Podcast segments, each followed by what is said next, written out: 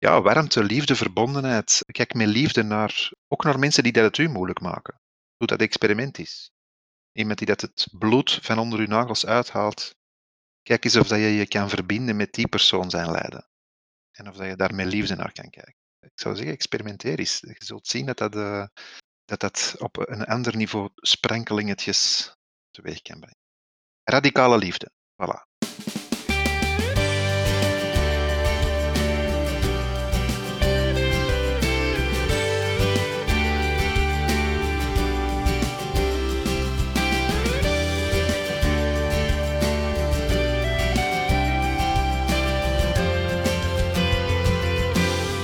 Welkom bij de Coach Jan podcast, jouw online gids naar een sprankelend en betekenisvol leven. Welkom bij een nieuwe aflevering van de Coach Jan podcast. Vandaag heb ik Marco Alibertis te gast. Marco ken ik nog vanuit mijn tijd bij de Educatieve Academie, toen ik daar de opleiding tot de psychotherapeut volgde. Maar onze wegen bleven elkaar regelmatig kruisen. We werden later ook collega's bij Iona VZ2. Sinds 2019 is Marco algemeen directeur van de Educatieve Academie. In deze aflevering spreken we over onze gemeenschappelijke interesses. Uiteraard hebben we het over onze therapieopleiding, maar we praten ook over zijn Griekse roots, boeddhisme en mindfulness, over ons werk als directeur en uiteraard ook over de inspiratiebronnen van Marco. Het was een fijn gesprek. Ik wens je veel luisterplezier. Is de Coach Jan podcast. Dag Marco. Dag Jan. Ça va met u? Helemaal ça va met mij. Hoe zou jij jezelf omschrijven? Dat is wel een goede binnenkopper. Hoe zou ik mezelf omschrijven? Uh, uh, ik ben van het ras mens en uh, ik probeer van elke dag eh, gewoon een, een goede dag te maken. Alright. En uh, hoe vulde jij je dagen? Momenteel met uh, uh, heel druk bezig zijn, vooral. heel veel werk met het leiden van de educatieve academie. Ehm, die dat ja, toch wel, ondanks de coronacrisis, ehm, ja, verder is blijven draaien. Maar dat, dat zorgt er ook voor dat er heel wat uh, dingen moeten gebeuren en opgevolgd worden enzovoort. Dus uh, voilà. ja. daar, daar vul ik zo aan mijn dagen mee. Ja, je zei inderdaad eh, een tijdje terug, denk bijna een jaar geleden, uh, directeur geworden van Educatieve Academie. Ja.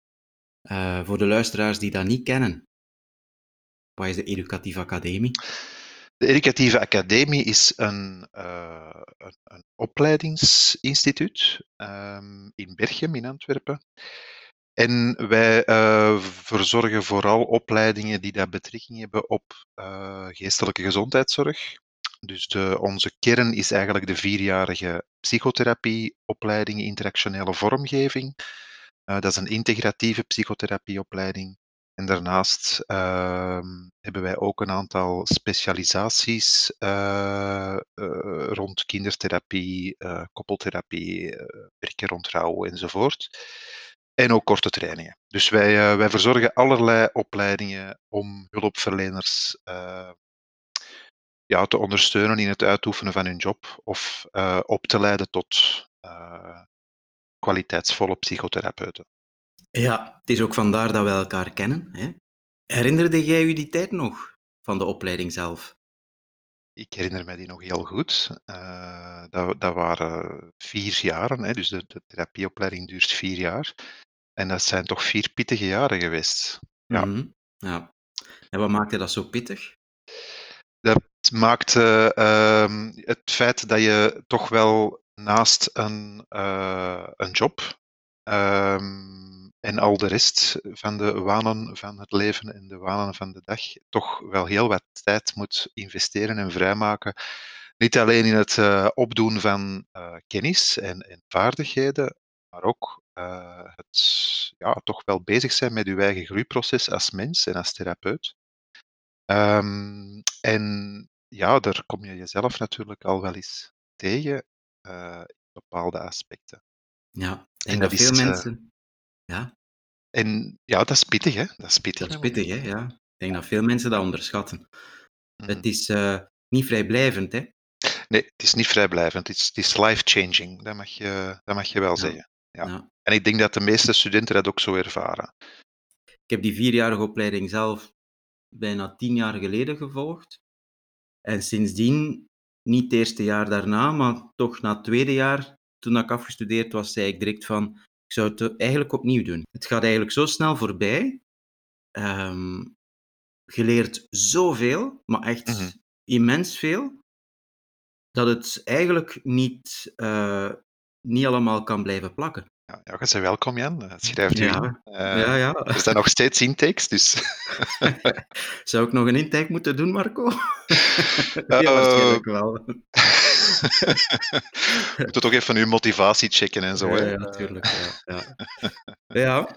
ja. Om maar te zeggen dat het echt wel een hele, hele, hele goede opleiding is. Het is een hele, hele goede opleiding. Ja. ja. Um, als je zo kijkt naar, naar omdat je zegt het is, het is life-changing, was er iets voor u in dat echt wel uw leven veranderd heeft? Oh, je vraagt naar één ding, heel, uh, heel dat proces. Ik zie het ook meer als een proces dan als uh, een verzameling van gebeurtenissen of zoiets. Um. Ik herinner mij bijvoorbeeld, uh, allez, al in het allereerste jaar gewoon het maken van een genogram. Hè, dus dat is, uh, dat is een onderdeel van contextuele therapie die dat wij ook aanleren aan onze studenten. Um, waarbij dat je een genogram maakt over je familie en dan met je, met je ouders of anderen in gesprek gaat over de geschiedenis, over hun geschiedenis, over hoe dat zij hun opvoeding hebben ervaren enzovoort. Ja, dat op zich was gewoon zo niet alleen de informatie die dat dan allemaal komt, of, of dingen die daar aan de oppervlakte komen, hè, die daar altijd wel ergens er hangen, maar ja, um, toch op een of andere manier verborgen blijven of, of niet aangeraakt worden, worden dan ineens aangeraakt. Hè. Er worden ja. dingen uitgesproken.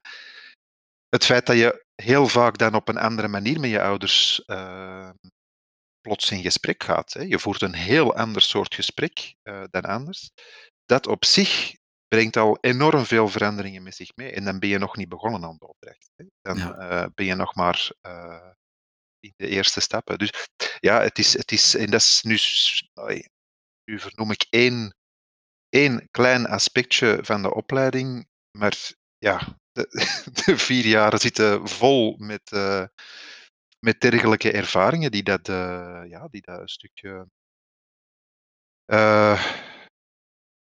inzicht brengen, uh, maar ook uh, ja, je, je zicht doen krijgen op automatische patronen waar je soms in zit uh, in je leven. en die dat je ook contact doen krijgen met de binnenkant, met de belevingswereld, de ervaringswereld. Mm -hmm, ja. En daar is interactionele vormgeving ook uniek in. Hè. Als we gaan kijken naar, de, naar het psychotherapie-landschap, elke psychotherapeutische stroming heeft zijn verdiensten. Um, maar waar interactionele vormgeving uniek is, is dat wij uh, ja, gaan proberen van integratief te gaan kijken en, en op die drie vlakken, zowel op, uh, op vlak van, van uh, inzicht en leren, als op vlak van, van proceswerk en het ja, een stukje via de beleving, via het ervaringsleren groeien. Ja. Um, en ook naar actie. Um, ja. Ja, maak toch uh, dat wij. Ja, allee, wij doen een poging om de mens als geheel ja. uh, te bekijken en, uh, en te doen groeien. Ja. En uiteraard en, ook als therapeut. En als therapeut, ja. Dat is ook Therapeuten zijn ook mensen natuurlijk. Ja. Absoluut. Wij zijn ons belangrijkste instrument. En vandaar ja. dat het ook uh, dat persoonlijke aspect zo belangrijk is. Ja, absoluut. Nu, je vertelde daar juist dat die genogram hey, voor u zo... Ja, dat was een eerste grote opdracht, zal ik maar zeggen, in de opleiding. Hè, om ook contact te maken met uw, met uw roots, met uw familie, met uw, met uw geschiedenis. Ja. Uh, dan kom ik eigenlijk uit bij uw naam, Marco mm -hmm. Alibertis. Alibertis, dat klinkt niet echt uh, Vlaams, zal ik zeggen. Goh, doe een lettertje of twee weg en je komt bij Alberts uit. Of, uh... ja, dat is waar. maar die is vermoedt dat er toch een, Ja. ehm, een Griekse eh, Ja. achtergrond is. Ja. Ja, dus eh, dat klopt. Mijn vader eh, is eh, Griekse migrant. Ehm, ik ben dus een migrantenzoon. Mijn moeder is Vlaamse. eh, en ze hebben elkaar leren kennen in eh, Limburg, in de mijnstreek. eh, want mijn vader kwam hier om in de mijnen te werken. Ehm, voilà. En zo hebben mijn ouders elkaar leren kennen. En ik ben dus het product van, eh, van integratie eigenlijk. Hè. Dus het is ook Mooi, hè? niet zo gek. eh. ja, En je bent vorig jaar, dacht ik, voor de eerste keer naar Griekenland geweest. Nee, niet voor de eerste keer. Het, ehm, als kind ben ik heel regelmatig naar Griekenland Ah, geweest. ja. We hadden er ook een huis. eh, ik had daar zelfs eh, in, eh, in de straat van ons huis eh, vriendjes die, eh, die ik alleen maar zag als wij er op vakantie kwamen. Maar dat was heel gek, want je kwam daaraan en voilà, ik ging op straat spelen met de vriendjes.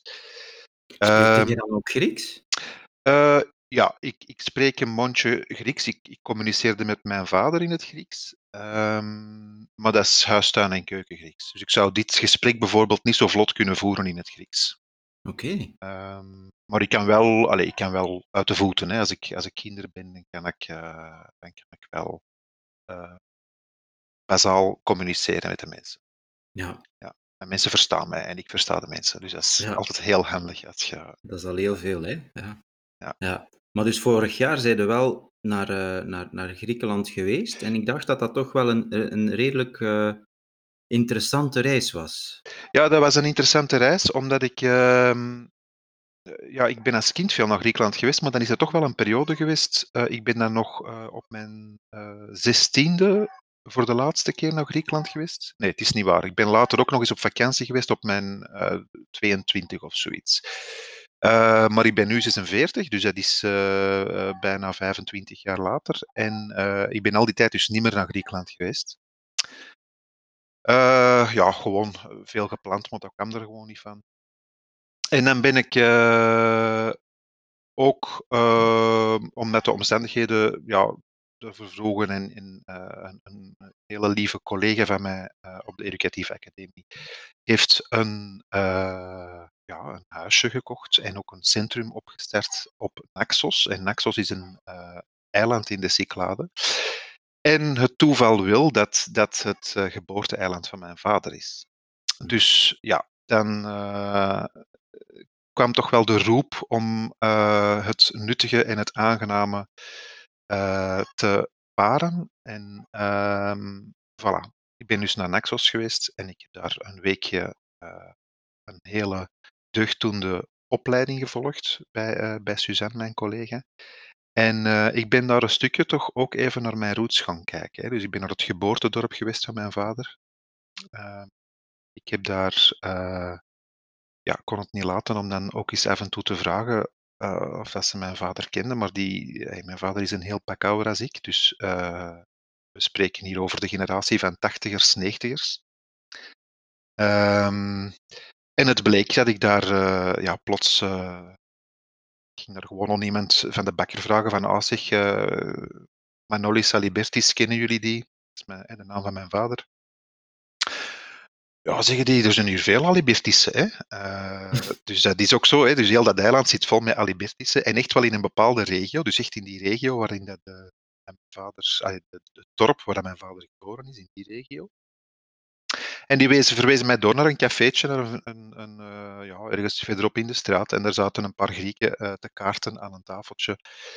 Uh, en na wat over en weer gebabbel en gezoek blijkt dat een van de mensen die dat daar zaten, een van de spelers, de kaartspelers, dat wij een gemeenschappelijke overgrootvader Allee. hadden. Dus Ja. dat mijn grootvader de broer was van zijn grootmoeder. Ja. Ja. Wauw. Uh, Wat doet dat dan op zo'n moment? ja, dat is, dat is heel speciaal. Hè? Dat, is, uh, dat is vooral speciaal omdat ik eigenlijk voor de rest niet zo heel veel ben te weten gekomen over de roots van mijn vader. Hè? Dus om even terug op, de, op het genogram te komen. Ja, mijn vader ehm, is opgegroeid in heel turbulente tijden in Griekenland. Hè. Die is ook moeten vluchten enzovoort. Um, en toen ik hem interviewde voor dat genogram, hij kende zelfs niet meer al de exacte namen van zijn broers en zussen. Laat staan uh, andere details. Hè. Dus om dan daar ter plekke te gaan zien waar dat vermoedelijk mijn, mijn vader als kind uh, kattenkwaad aan het uithalen is uh, geweest, en dan ja, mensen tegen te komen waar dat toch wel een link is, ja, dat doet wel wat met een mens. Dat is, ja, dat is, dat is een, intense ervaring. Ja. Zij als een andere mens teruggekomen van Griekenland, van Naxos? Um, goh, uh, een andere mens, dat weet ik niet. Um, ik denk dat ik niet zo onderhevig ben aan drastische veranderingen of zoiets. Um, maar het heeft wel wat verzachting gebracht. Mm -hmm. uh, verzachting naar mijn vader en nog meer begrip over. Uh, uh, en mijn vader was al overleden, hè, dus die is, die is vier, vijf jaar, nee, iets langer. Zes, zeven jaar geleden is hij overleden. Um, en dat is niet altijd een makkelijke relatie geweest. Dus dat heeft wel wat, wat verzachting gebracht. Ja, ja, ja. wat meer connectie. Ja, het is, het is toch belangrijk om, om contact te maken met uw, met uw roots, met, mhm. met uw familiegeschiedenis, ook hoe moeilijk dat het soms ook is, om begrip te kunnen krijgen voor de situatie waarin dat uw ouders, uw grootouders, hoe dat in een context was, hoe dat die een, een wereld op dat moment was, om ook te kunnen begrijpen wat dat dan later mm-hmm. soms gebeurd is. Hè? Kleine, grotere uh, gebeurtenissen. Ja, mooi. Ja. Marco, wij delen eigenlijk heel veel gelijke hobby's en, en thema's. Hè? We, ja. De Educatieve Academie, dat is, dat is een eerste. Ja. ja. Een tweede is, is muziek. Een derde is boeddhisme. Mm-hmm. Van mindfulness. ja, ik vind dat... Eigenlijk zeg je mijn broer, hè? Long soms, lost brother. ja, soms lijkt het al een beetje zo. Hè? Het, is, het, is, het is grappig ja. hoe, dat, dat, uh, hoe dat die twee werelden toch ergens ook gelijk lopen. Mm. Ja, ja. En we zijn alle twee directeur. En we zijn alle twee directeur. Maar misschien dat we dan toch nog even ingaan op, uh, op, op het directeurschap van EA. Een, een, jaar geleden kwam plotseling het nieuws dat jij de nieuwe directeur was van EA. Dat was voor ja. veel mensen, denk ik, een verrassing. Niet zozeer omwille van dat jij het zou zijn, maar wel omwille van het feit dat Bruno en Hilde um, ja, een, een volgende stap namen in hun, in hun, ja, Ja. in hun kindje eigenlijk. Hè? Want, want EA is echt wel een, een, een kind. Eh, een prachtig centrum. Ehm, hoe heb jij dat beleefd, zo dat proces? Ja, het, het, eh, er is wel een, eh, een beetje een verschillend tempo geweest in het proces eh, intern en extern. Ehm, in de zin van dat het mij al wel langer geleden gevraagd is geweest en dat ik daar ook wat ben ingegroeid. Ehm, en het is officieel eh, neergezet dus vorig jaar eh, in september. Ehm, dus op zich voor mij was het eh, op dat moment alleszins minder een, ja, een, een moet dat zeggen, een intense gebeurtenis. Jawel, het was, het was wel intens, maar minder nieuws dan voor de buitenwereld. Hè, die dat ineens te horen kregen, ah, oké, oei, wissel van de wacht. Oei, 30 jaar Hilden en Bruno, wat nu? Hè? Ehm, Nu, ik, ehm, ga, ik, ik beschouw de educatieve academie ook een beetje als, als een tweede thuis. Ik denk dat heel veel mensen dat ook ehm, eh, onze, onze school ook ervaren als een, als een plek eh, dat meer is dan alleen maar een gebouw waar dat je les kan volgen. Eh, we spreken al wel eens over een, een, een EA-familie. eh, en zo is het ook voor mij. Hè. Dat heeft ook altijd zo aangevoeld. Je, je komt in een opleiding waar dat je dan zo, zo eh, hard wordt ingegooid en eh, waar dat je zo ehm, veel van je kwetsbaarheid moet leggen, dat het niet anders kan dan dat er een soort van intieme band ontstaat. Mhm. en die intieme band is altijd gebleven bij mij. Ehm, ik ben dan op een gegeven moment ook uh, na mijn opleiding uh, en het opstarten van een praktijk, uh, daar ook trainingen beginnen geven enzovoort. Dus ik ben daar op die manier dan wel wat ingerold. En nu het directeurschap um, ja, voelt wel als, als een stukje iets, ja, goh, een heel logisch gevolg of zoiets. Uh, van, voilà, uh, de academie heeft zorg gedragen voor mij. Ik, het is nu mijn beurt om zorg te dragen voor de academie. Ja. Um, ja. En uh, dat is natuurlijk niet evident, want het zijn wel hele, hele grote schoenen waar ik moet gaan instaan. Hè. Uh, Hilde en Bruno. Uh, dus het gaat over Bruno van den Bos en Hilde Vleugels, de oprichters van uh, de Educatieve Academie. Ja, dat, is, dat zijn bijzonder ehm, begeesterde mensen die dat, hun hart en ziel erin hebben gestoken en, en, de Educatieve Academie gemaakt hebben tot waar dat nu is. Mm -hmm. Dus voilà, ik probeer zeker ook niet uh, een soort van Bruno en Hilde of Brunilde of zoiets uh, te worden. Um, oei, ze gaan niet graag horen dat ik dat zeg, denk ik. Um, maar het is wat zoeken. Hè. Ik probeer er een beetje mijn, mijn, eigen, uh, mijn eigen weg in te gaan. Met heel veel ja, respect en liefde voor, voor wat er is, hè, zonder, zonder iets weg te gooien. Want ja, Ja. dat is het, het voordeel als je iets erft. ehm, ja, dat, dat, dat zo'n mooi verhaal is. Je hoeft daar niet veel ehm, Nee. aan storytelling niet meer voor te doen. Hè. Het, het, het is er gewoon. En, en is er iets, ehm, nu dat je op die de stoel zit van directeur, wat dat voor u nieuw is? Ik bedoel daarmee natuurlijk, de job op zich is nieuw, maar iets wat dat je nooit eerder dacht dat dat ook bij de job hoorde? Het gekke is, Jan, ehm, je hebt mij in de tijd benaderd eh, om op Iona eh, mee te gaan nadenken over, eh, over de IT en, en een stukje mee vorm te geven. Ja, het blijkt nu dat ik mijn job of mijn, de inhoud van de job van Iona toch wel een stukje heb meegenomen naar, naar de educatieve academie. Dus dat is wel verrassend dat ik eigenlijk, eh, ja, zeker nu met, met heel het corona gegeven, eh, ja, ben ik precies terug uh, voor een groot deel in dezelfde functie beland. Een IT'er. Um, ja, IT'er ja. met het uitzoeken van uh, ja, hoe, dat we, hoe dat we heel het online verhaal vorm ja. uh, Ja. geven enzovoort. Technische. Dus ja, dat is wel iets, uh, een aspect van de job dat ik op voorhand niet had ingeschat. Dat dat, uh, Ja, maar het is, het is wel herkenbaar wat dat je zegt, want eigenlijk zeg je, als directeur moet je eigenlijk een generalist zijn. Je moet Ja. eigenlijk over alles en nog wat kunnen meepraten en, en ook inzicht hebben in, maar je hoeft niet per se daarin uit te blinken, want Ja. daarvoor hebben natuurlijk mensen in je team zitten. Maar wanneer dat er ergens een bordje dreigt te vallen. Dan moet je dat wel kunnen oprapen en moet je die job wel kunnen doen, totdat je terug iemand gevonden hebt die dat kan overnemen, of dus noods het zelf blijven doen. Ja, Ja, precies. Ja. Ja. En ik geloof er ook heel sterk in. eh, hè, want je vroeg, je vroeg mij eh, ter voorbereiding van dit interview, vroegde mij ook eh, om wat inspiratiebronnen op te geven. En een Mhm. van de dingen die dat ik eerst had opgeschreven, maar die dat ik niet heb weerhouden, denk ik.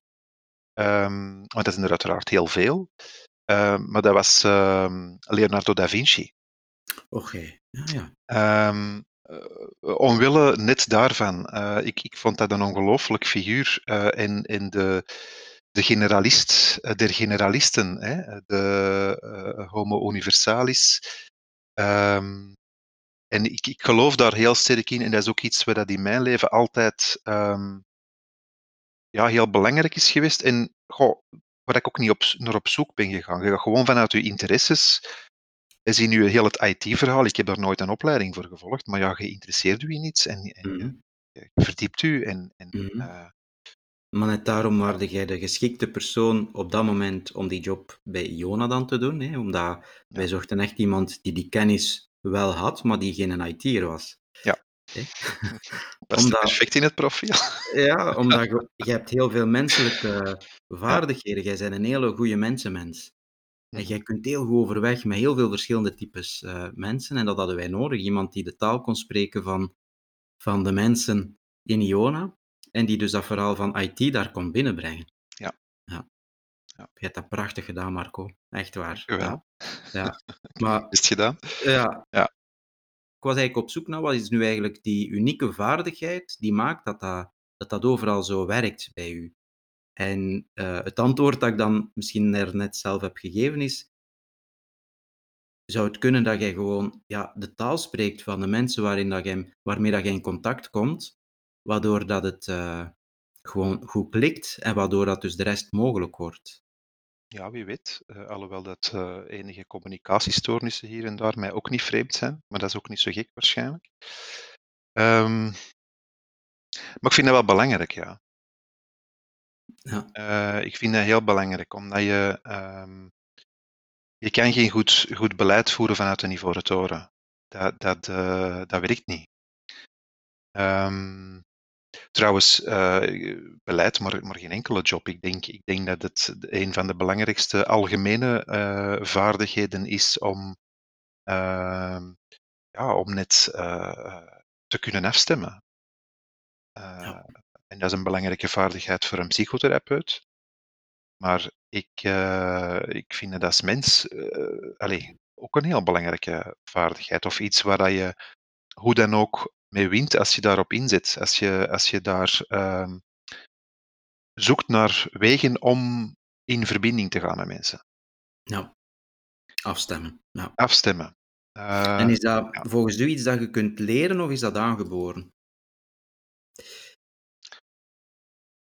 Um, ik, uh, ik weet dat niet. Ik denk als je ik ben geneigd om te zeggen dat dat aangeleerd is. Natuurlijk, als je um, door, door bepaalde gebeurtenissen in je jonge leven uh, bepaalde kwetsuren, uh, kan het natuurlijk wel zijn dat die empathie die daarvoor nodig is, niet uh, helemaal optimaal ontwikkeld wordt. Dus ik weet niet of het iedereen op volwassen leeftijd dat nog kan leren of dat tot een optimaal niveau kan krijgen. Ik, ik denk het niet, maar ik denk Um, ik denk niet voor iedereen, maar voor de meesten wel. Uh, ja, dat denk ik wel. Ik, ik denk dat je kan, kan uh, als er geen ernstige kwetsuren zijn, als er geen. Vanuit het verlangen dat mensen ook hebben. Ik denk dat mensen het verlangen hebben naar contact, naar liefde, naar dialoog, naar verbinding.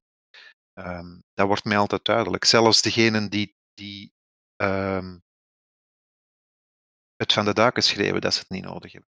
Mhm. Zelfs degene die dat bepaalde uh, gedragingen stellen of uh, bepaalde acties ondernemen die dat heel destructief of heel schadelijk zijn, of net heel isolerend werken of heel uh, ontwrichtend werken, geloof ik, ben ik harts, grondelijk en hartstochtelijk van overtuigd dat, dat daaronder gewoon heel veel pijn en heel veel verdriet zit.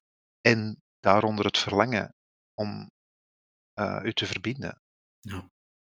We komen daarbij ook ergens in het spoor van, van, van boeddhisme en mindfulness, -hmm. denk ik. Ja. Um, hoe zijn jij ooit in die stroom terechtgekomen? Wel, dat is begonnen op mijn twintig, denk ik, ergens. Uh,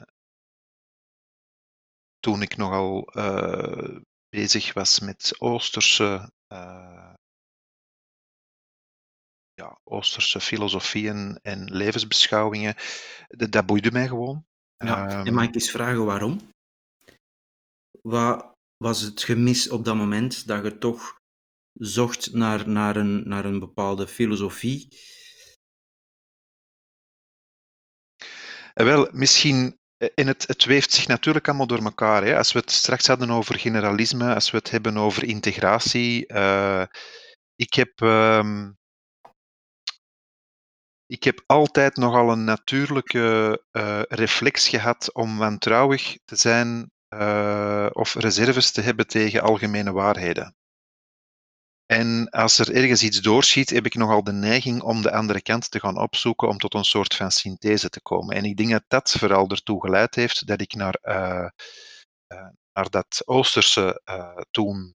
Alleen niet alleen naar het Oosterse, ik, ik was gewoon heel zoekend naar. Uh, Oké, okay, wat, wat, is er allemaal tussen hemel en aarde? Hè? En, en, ja, dat was uiteraard op een, op een iets minder genuanceerde manier als dat ik dat vandaag zou doen. Maar dat is altijd wel een stukje mijn eigenheid. Allee, ik bedoel, ik ben zo opgegroeid. Hè? Een Griekse vader en een, en een uh, Vlaamse moeder. Uh, uh, een, een Grieks-orthodoxe vader en een katholieke christelijke. orthodox is ook christelijk, hè? maar een katholieke moeder en een, een orthodoxe vader. Ambivalente boodschappen daaruit. Dus ik, ik denk dat ik al vrij jong heb geleerd uh, om zo te surfen tussen dat, in dat ambivalente. Zo te, te, te weten van oké, er is hier geen absolute waarheid. Er zijn verschillende perspectieven van waaruit dat je naar de werkelijkheid kan kijken. En dat is een rode draad geweest gedurende allee, heel mijn leven. En ik denk dat dat ook, uh, dus uh, om, om uw vraag te beantwoorden, van ja, wat heeft dan juist gemaakt dat je er naar op zoek ging? Ik denk vanuit die honger om het volledige plaatje te kennen. Om de link te maken, om die integratie te maken. Uh, en dat is nu niet anders. Als ik nu over het boeddhisme nadenk, ja, ik, ik, uh, dan zie ik dat eigenlijk niet, niet meer echt als een Oosterse levensbeschouwing. Ehm, ik, ben, ik ben niet de boeddhist ehm, die, die heel veel aandacht geeft aan de, aan de folklore en de rituelen en de zaken die dat eigen zijn aan een bepaalde cultuur. Ik, ik zie dat als iets dat hier even goed kan uh, in het dagelijkse leven kan verweven worden. Op een westerse manier, op een, op een Vlaamse manier als je wilt. Hè? Ja, en dan maken we dus natuurlijk de brug naar, naar, naar mindfulness. Um, ja. heeft op dit moment denk ik wel een, een, een behoorlijke plek gekregen in uw leven. Ik zie u daar opleiding ook rond geven. Ja. Dan specifiek naar hulpverleners toe, dacht ik. In mhm. de EA ook. Ja. Um, is het iets wat dat je zelf ook beoefent? Al, ik bedoel, in het dagelijkse leven en, en op welke manier beoefende jij dat? Um, goh, dat, is, dat is met periodes. Um, ik, er zijn periodes dat ik heel. Uh, dat ik formeel mediteren. Dus, dus je hebt eigenlijk een formele beoefening en een meer informele beoefening. En ik denk dat de laatste jaren wel uh, er een, een evolutie is geweest waarin dat ik meer en meer uh, naar de informele beoefening ben overgegaan. Dus ik ga niet meer zo heel veel uh, echt gaan zitten en een uur mediteren. Alhoewel het dat nog wel, nog wel gebeurt, um, maar niet meer dagelijks zoals vroeger. Hè. Er zijn echt periodes geweest dat ik dagelijks mediteerde.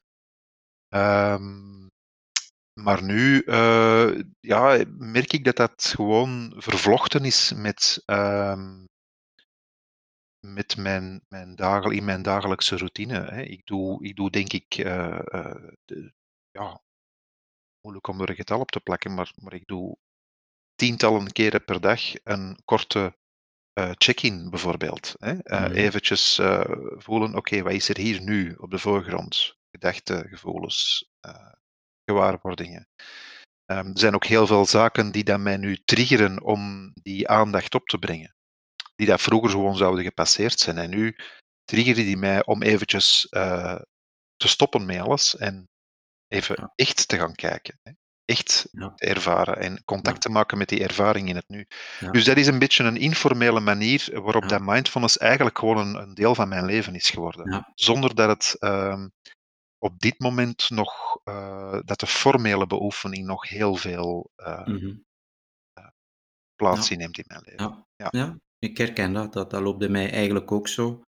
Eigenlijk zouden kunnen zeggen dat, het, ehm, dat de kern van mindfulness is de bereidheid om te kijken naar wat dat er op dit moment is. Op momenten dat dat nodig is, hè, of ook op momenten dat het niet nodig is. Ja. En dat het vooral ook een toolbox is die je kunt um, terug ter hand nemen op momenten dat het uh, leven u dreigt te overspoelen. Zo. Ja, ja. absoluut. En dan denk ik dat we terug meer naar de formele beoefening gaan. Hm. onszelf terug uh, wat meer in die discipline brengen om, om dagelijks te oefenen, omdat je weet dat dat dan ook echt wel ja, En ja, ik zou nu zeggen zijn vruchten oplevert, terwijl dat eigenlijk de beoefening helemaal niet als doel zou mogen hebben om vruchten op te leveren. Ja.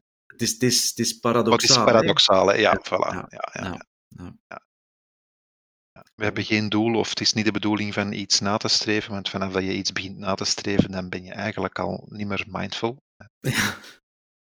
Eh, maar langs de andere kant, ja, moesten we niet gemotiveerd zijn om het te doen, Ja, ja, en dan heb je sowieso wel een doel voor ogen natuurlijk. Hè. Het verminderen van lijden is, is hoe dan ook een doel. Hè. Dat zit ook in het boeddhisme ingeweven. Hè. ja, Uiteindelijk gaat het over, over het, het, het lijden leren kennen en het te leren onderscheiden van het lijden dat bij het leven hoort eh, en dat wij allemaal kennen. En waarin dat wij ons ook verbonden kunnen voelen. ja, Eh, en het lijden dat we er zelf bovenop eh, flappen. En en, en dat, is, dat is een heel interessante oefening. Hè. ja, ja. Ja, is toch een, een doelstelling op zich. Hè. Dus ik denk niet dat we er te, ehm, ja, te, te fel op eh, ons op moeten vastrijden op het, eh, het feit of het nu een doel mag hebben of niet. Ik denk, eh, Ja. ja. Ja.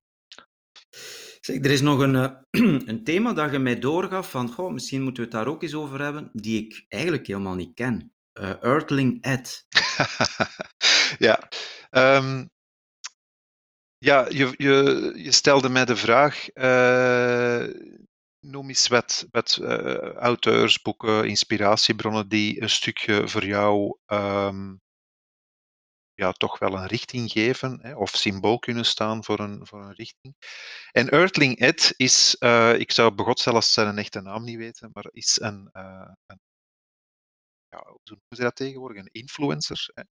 Oké. ehm, op sociale media. En is iemand die eh, op een gegeven moment in zijn leven, een heel jonge man, denk dat in de twintig ergens is, een hele wijze jonge man, en die eh, op een gegeven moment heeft besloten om geen vlees niet meer te eten. Omdat hij ja, niet meer akkoord kon gaan met het lijden dat toegebracht werd aan dieren, hè? Aan, aan menselijk, nee, aan, aan leven in het algemeen. Ehm, ja, en daar, herkende ik mezelf eh, voor te beginnen heel sterk in. Dus ik ben ook eh, vegetariër geworden en, en eh, ik probeer eh, veganistische levensstijl te hanteren, alhoewel het dan niet echt lukt. Ehm, maar allee, ook daar zoek ik de boeddhistische middenweg in, en geen extreme. Ehm, maar Earthling Ed, eh, wat ik ongelooflijk vind aan die man, en allee, het is een uitnodiging, je moet hem maar eens opzoeken op Facebook en eens een van zijn filmpjes bekijken.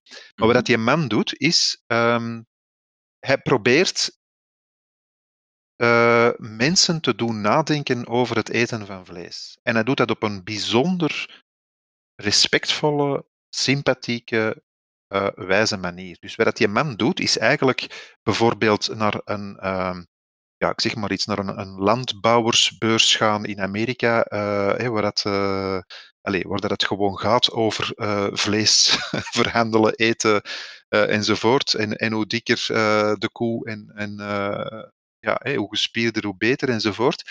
En daar gaat hij gewoon in gesprek met de, met de boeren, die daar eerst heel veel weerstand hebben. Hè. Kunt u er misschien wel iets bij voorstellen, zo de, de landbouwers in het zuiden van Amerika. Ehm, en hij gaat gewoon in gesprek en hij stelt gewoon vragen. Dus eigenlijk zou je kunnen zeggen dat hij het Socratische gesprek gebruikt om mensen eventjes, heel eventjes te doen wankelen. Op een heel fijne, niet aanvallende, ook niet beoordelende manier. Hij zegt ook van, ja, maar ik heb zelf vlees gegeten, ik, ik lust dat gewoon heel graag. Hè? Maar, waarom eet je eigenlijk vlees?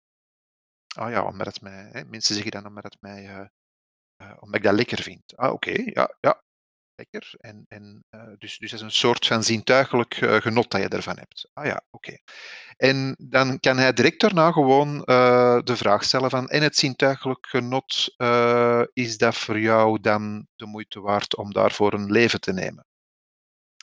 En ja, in een, in een gewoon los gesprek, waardoor dat je natuurlijk heel vaak mensen dan ja, even, even zie eh, twijfelen en, en, en niet goed weten wij, maar ja, hij doet dat op zo'n goede manier. En voor mij is dat een inspiratiebron.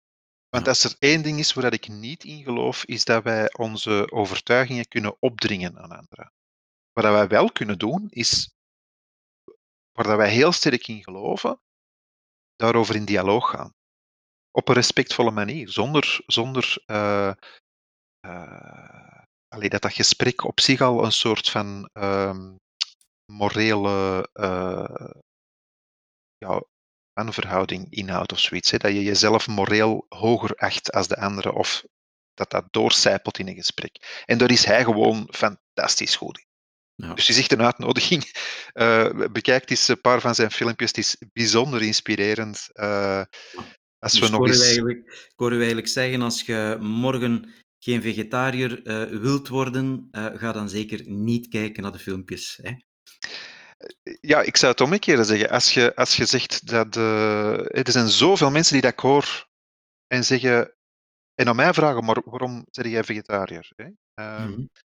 En die dan zeggen van, goh, en ik denk er af en toe ook wel eens aan. Ja, inderdaad, het is toch wel, goh, het is toch wel doorgeschoten. Hè? Of hoe dat wij met dieren omgaan, bijvoorbeeld, de, de industrie uh, om ons eten te voorzien, kan er ook niet helemaal achter staan. Maar die dat toch vlees blijven eten, bijvoorbeeld. En ja, dat is ook niet zo gek. Dat is, uh, en ik denk uh, dat het vooral voor die mensen heel interessant is om eens naar die filmpjes te gaan zien. Mm-hmm. Ja. dat, is, dat werkt alleen maar heel motiverend om, uh, mm-hmm. om dan keuzes te maken. En ik, ik denk dat dat een heel En ik vind die, die want dat is ook iets, een, een aspect uit het boeddhisme dat ik heel belangrijk vind, en dat is de, de middenweg.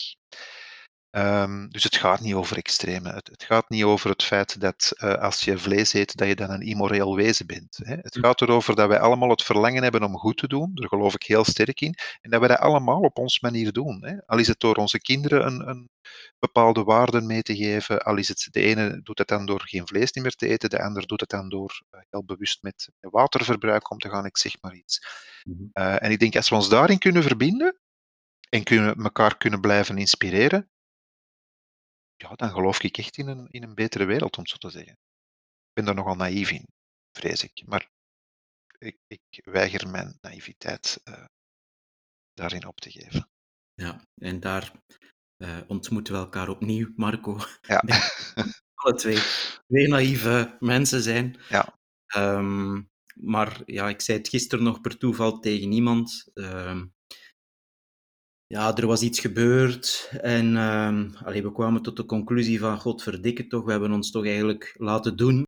En die discussie ging over van godverdikke toch, hey, we moeten minder naïef zijn en we moeten strenger zijn en we moeten, uh, moeten uh, wat meer papiertjes laten ondertekenen, zodanig dat dat niet meer kan gebeuren. Mhm. En ik kwam terug bij, bij de conclusie van nee, we gaan dat echt niet doen.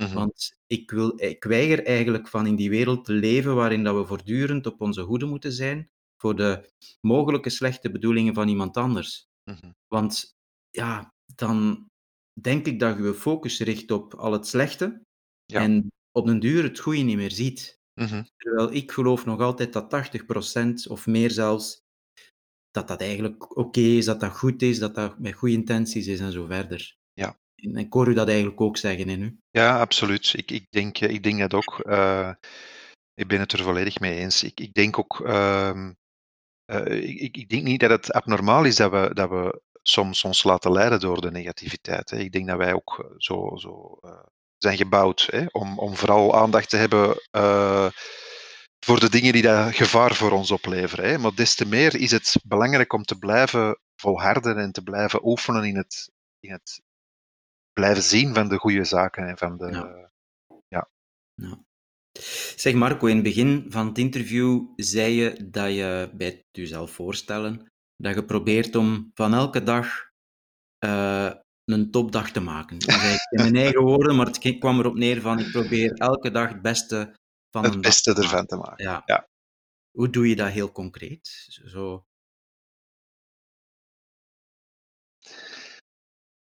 Uh, dat hangt er echt vanaf uh, van dag tot dag. Ik, ik weet niet of ik daar een algemene uh, tendens in kan, kan zien. Ik ben wat dat betreft nogal chaotisch. Ik heb ook niet echt vaste structuren of zo, of vaste uh, rituelen om, om mijn dag te stellen. Alhoewel, jawel, ik begin de dag met een tas koffie. Dat, dat is al. dus dat helpt al om. Dus ja, nu dat ik erover nadenk, ik denk dat ik wel een aantal rituelen, kleine ritueeltjes heb. Uh, maar verder denk ik, ja, gewoon afhankelijk van hoe loopt de dag. Er zijn dagen die dat, die dat goed lopen, er zijn dagen die dat minder goed lopen, er zijn dagen waarbij dat je je bent opvoelt en dagen ja, waarin dat gewoon shit is. En ik denk uh, dat voor mij belangrijk is om dan, um, als het shit is, het ook gewoon shit te laten zijn.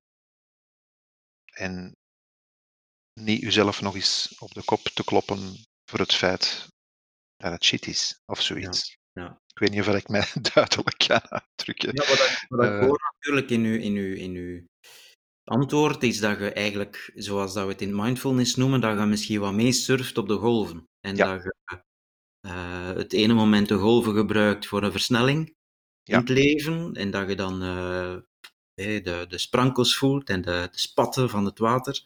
Ja. En misschien in een ander moment, als je dreigt wat overspoeld te geraken, dat je ja, misschien gewoon de golven laat overspoelen. En, mm -hmm. Maar zorgen dat je wel zuurstof blijft happen. Ja. Ik denk het wel. En, en uh, ik denk dat dat ook al start met niet de, niet de verwachting te hebben dat elke dag een topdag moet zijn. Mm -hmm. ja. ja. Dat is ja, niet realistisch. En dat brengt alleen maar nog meer lijden met zich mee. Ja, absoluut. Uh, ja. En het is iets wat ik bij veel cliënten van mij herken. Dat is namelijk dat zij inderdaad um, eerst en vooral vaak kijken naar andere mensen. Van hoe leven zij hun leven en, en uh, ik wil dat ook. Zo. Um, en tegelijkertijd uh, dan ook de verwachting hebben dat elke dag een topdag is. Mm -hmm. En als je met die verwachting leeft, denk ik dat je wel een hele grote druk oplegt. Ja. En per definitie Precies. genieten van wat dat er dan is. Ja. Mhm. Ja, in die zin kom ik nog bij een andere inspiratiebron die ik ook niet had opgegeven, maar... Uh, is een beetje chaotisch, hè Marco? Ja, uh, eclectisch en integratief, Jan. Dat is een grapje. Ja. Vertel eens, wie is, uh, wie is die inspiratiebron? Uh, wel, Dirk de Wachter bijvoorbeeld, hè, is ook een inspiratiebron, omdat hij ook... Uh, hij beschrijft ook de kunst van het ongelukkig zijn. Hè, dus hij is ook zonder, zonder enige... ik denk niet dat hij zo'n boeddhistisch of, of zo'n fervente mindfulness beoefenaar, alhoewel, ik zou het niet weten, hè, ik zou het hem eens moeten vragen. Um, maar ja, die man die heeft wel heel, heel goed door wat dat de, um, de grootste veroorzakers zijn van, van, unie, allez, van psychisch uh, lijden in deze wereld, hè, in deze tijd. En dat is dat het altijd maar, ja, het allemaal maar hoger, sneller, uh, beter moet zijn en, enzovoort. Hè. Het, is, het is een cliché geworden, hè, de, de, de prestatiegerichte westerse samenleving, maar het, het blijft wel een, blijft gewoon iets dat um, moeilijk af te leren is of zoiets. Hè. Of, of mensen blijven nog altijd welzijn, hè, algemeen welzijn, psychisch welzijn, um, koppelen aan, ah, dat wil zeggen dat ik gewoon elke dag van mijn leven gelukkig moet zijn. En dat ik uh, elke moment van mijn leven moet benutten. En, uh, en je ziet dat ook als je gaat kijken op social media, dan zie je heel, heel regelmatig heel goed bedoelde quotes verschijnen en memes die dat dan ook gretig worden gedeeld door die meerwaardezoekers en door mensen die daar echt oprecht willen bezig zijn met, met, met welzijn. Maar je moet er eens op letten, het gros van die quotes die zijn opgesteld in gebiedende wijs. Doe niet dit, doe dat. Ja. Je kan niet als je niet dat, enzovoort. Dat is heel gek. Ik vind dat, ik vind dat een bijzonder gek verschijnsel, want het doel is uiteindelijk om tot meer welzijn te komen en tot persoonlijke groei te komen. En wat er eigenlijk gebeurt, is dat we onszelf, onszelf nog meer moeten gaan opleggen. Ja, precies. Ja. Dus ik vind het een heel gekke, uh, ja, een heel gek verschijnsel. Ja, ik ben heel blij dat je daar net vertelde over je mindfulness beoefening, dat dat nu meer een informele manier is en dat je eigenlijk um, daar soms naartoe teruggrijpt op momenten dat het nodig is. Ik bedoel daarmee naar de formele beoefening dan. En, en ja. dat je zo je eigen ding daarmee gedaan hebt. Omdat ik heel veel uh, ervaar dat mensen echt letterlijk probeert te kopiëren. En als je zegt Mhm. van, doe nu, allez, doe, doe 's morgens die oefening, dat mensen dan echt daar blijven vast in hangen en, en dat dan echt gaan doen. En krampachtig bijna gaan nabootsen van, van wat dat je voorstelt. Ja. Ik ben daar eigenlijk veel ehm, in mijn verhaal dat ik daarin breng, veel meer gaan brengen van ehm, onderzoek zelf wat, wat dat voor u Mhm. past. En zo de, de, ja, de, de balans vinden tussen toch enigszins discipline hebben om een beoefening te doen en anderzijds echt ook u de ruimte te geven om, om daarmee te gaan doen en te experimenteren. Goh, ik, ik, denk, ehm, ik denk dat we ook daar moeten, moeten gaan zien van. eh, Ik denk dat, dat niet iedereen hetzelfde eh, nodig heeft of op dezelfde manier ehm, met die zaken omgaat. Hè. Ik, ik zie bijvoorbeeld ook mensen die daar. ehm, ja, bijvoorbeeld, bijvoorbeeld gewoon knettergek worden van, van eh, bijvoorbeeld mindfulness ehm, trainingen van Edel Max bijvoorbeeld die dat veel te eh, eh, weinig gestructureerd vinden en, enzovoort. Ehm, maar bijvoorbeeld wel heel veel heil vinden in echte hele strikte zinbeoefening. Mhm. Hè, waarbij je op een bepaalde houding moet zitten. Je, je zit niet op een stoel, je zit op een matje eh, met je gezicht naar de muur. Ehm, eh, er hangen heel veel rituelen aan vast. En er zijn mensen die dat daar heel veel rust in vinden. Mhm. Nu, voor mij werkt dat niet. Eh, maar ik kan me wel voorstellen dat dat voor andere mensen wel, wel heel goed werkt. Ehm, dus, dus ik denk dat, we, dat het vooral de kunst is om te gaan kijken. ehm, ja, doe vooral wat werkt. Ja. Wees, wees vooral. Eh, dus dat wil zeggen, als het voor jou werkt om regels te volgen, om dingen te kopiëren, om op die manier ehm, ja, tot, tot een stuk innerlijke rust te komen of een stuk eh, beoefening die, die voor jou opbrengt, ja, doe dat dan. Ja, Doe doe dat dan. dat werkt. Ja. Doe wat dat werkt. Dat is eigenlijk het enige eh, credo dat, dat, ehm, dat denk ik te weerhouden is als we erover gaan nadenken. Hè? Als we echt gaan na- nadenken over ja, maar wat werkt en wat moeten we nu als advies gaan geven aan mensen of hoe moeten wij bijvoorbeeld onze mindfulness training of andere trainingen gaan organiseren. Ja. Ja. Mooi. Doe wat werkt. Ja. Heb jij het gevoel, Marco, dat jij een betekenisvol en eh, sprankelend leven leidt? Goh, Jan, je had dat ook geschreven. Hè? Denk eens na over de vraag: wat is voor jou een betekenisvol en sprankelend leven? Ehm, ja, ik denk dat, dat ik dan eh, moet zeggen wat ik er juist zei. Sommige dagen, sommige dagen, sommige periodes zijn sprankelend en andere niet, en dat is oké. Mhm. Ehm, nu, ik, ik ben wel. eh, ben ook wel een kickzoeker ergens. Oké. Soms, Allee, wat ik, uw guilty pleasures, Marco? Ehm eh, goh, guilty pleasures. eh, ik, ik ben, het gaat niet over, over fysieke kicks of zo, zo, adrenaline kicks. daar, daar niet, maar meer, meer zo'n mentale kicks. Bijvoorbeeld een.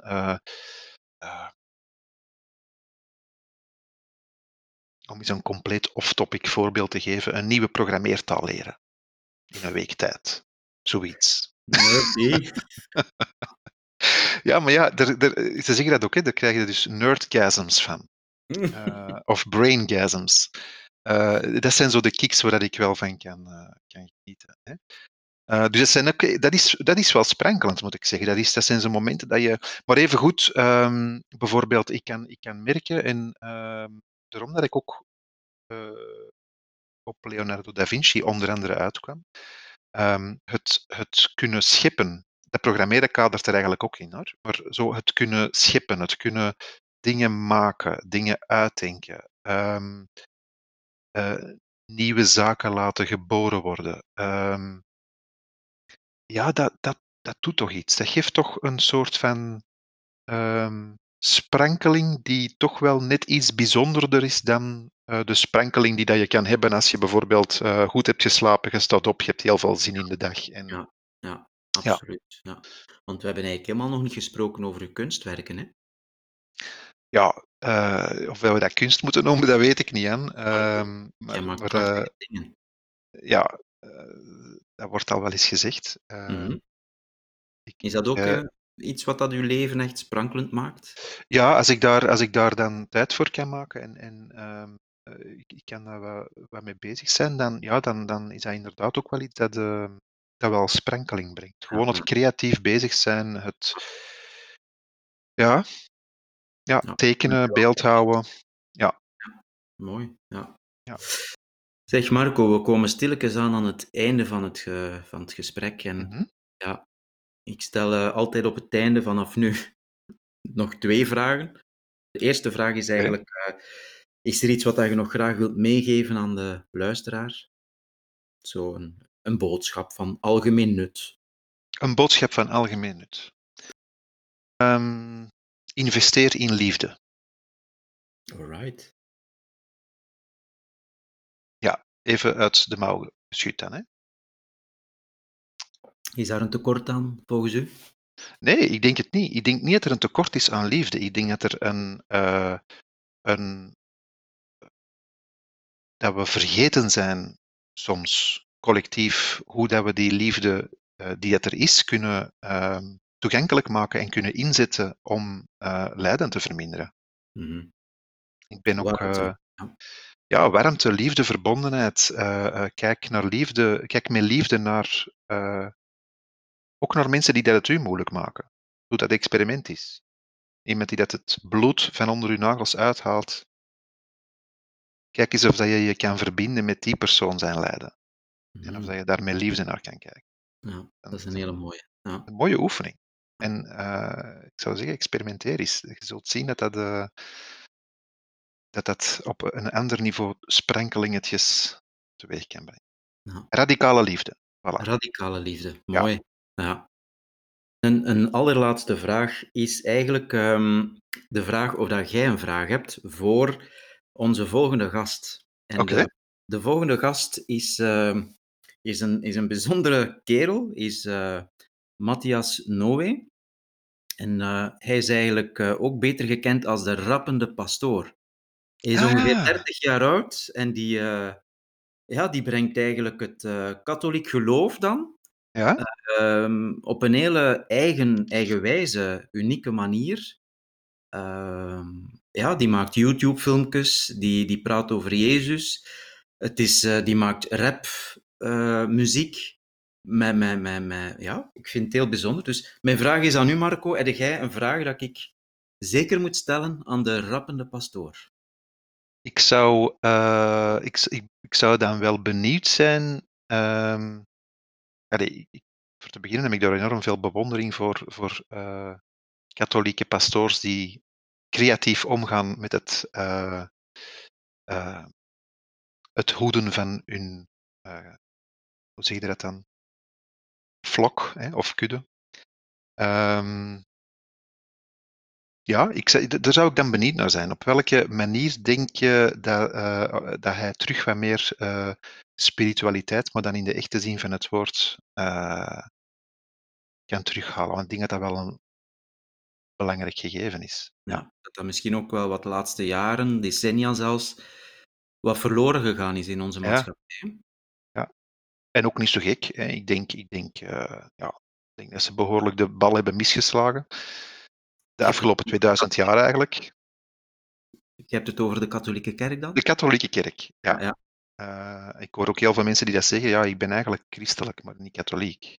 En ik Mhm. denk dat dat ook heel veel eh, weergeeft ehm, van de nood eh, die er is om dat terug een andere invulling te geven, een creatieve invulling te geven. Dus ik heb ongelooflijk veel bewondering voor mensen zoals eh, Matthias Nooy, die dat dan eh, proberen op die manier vorm te geven. Dus ik ben, ik ben eigenlijk gewoon benieuwd. Werkt het? dat is eigenlijk mijn vraag. Werkt het? En werkt wat precies?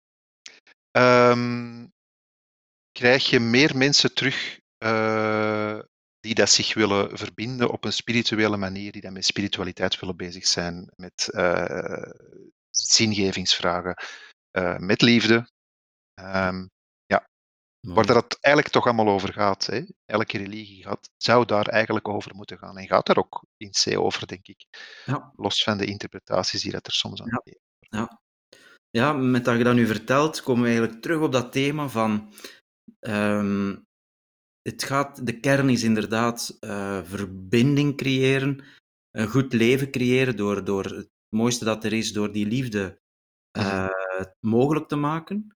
En om dat mogelijk te maken zijn er heel vaak uh, soort van geschriften nodig, richtlijnen van hoe leefde een goed leven, omdat we toch altijd op zoek zijn naar hoe doen we dat dan? En ik denk wanneer dat het te veel doorschiet in van je moet dit zo doen of zo doen en zo doen, en als we dat te naïef, hm, naïef is het verkeerd woord, te volgzaam volgen, zonder eigenlijk ook echt zelf te ervaren wat het is of wat het brengt, dan denk ik dat we verkeerd bezig zijn. Ja. Mhm.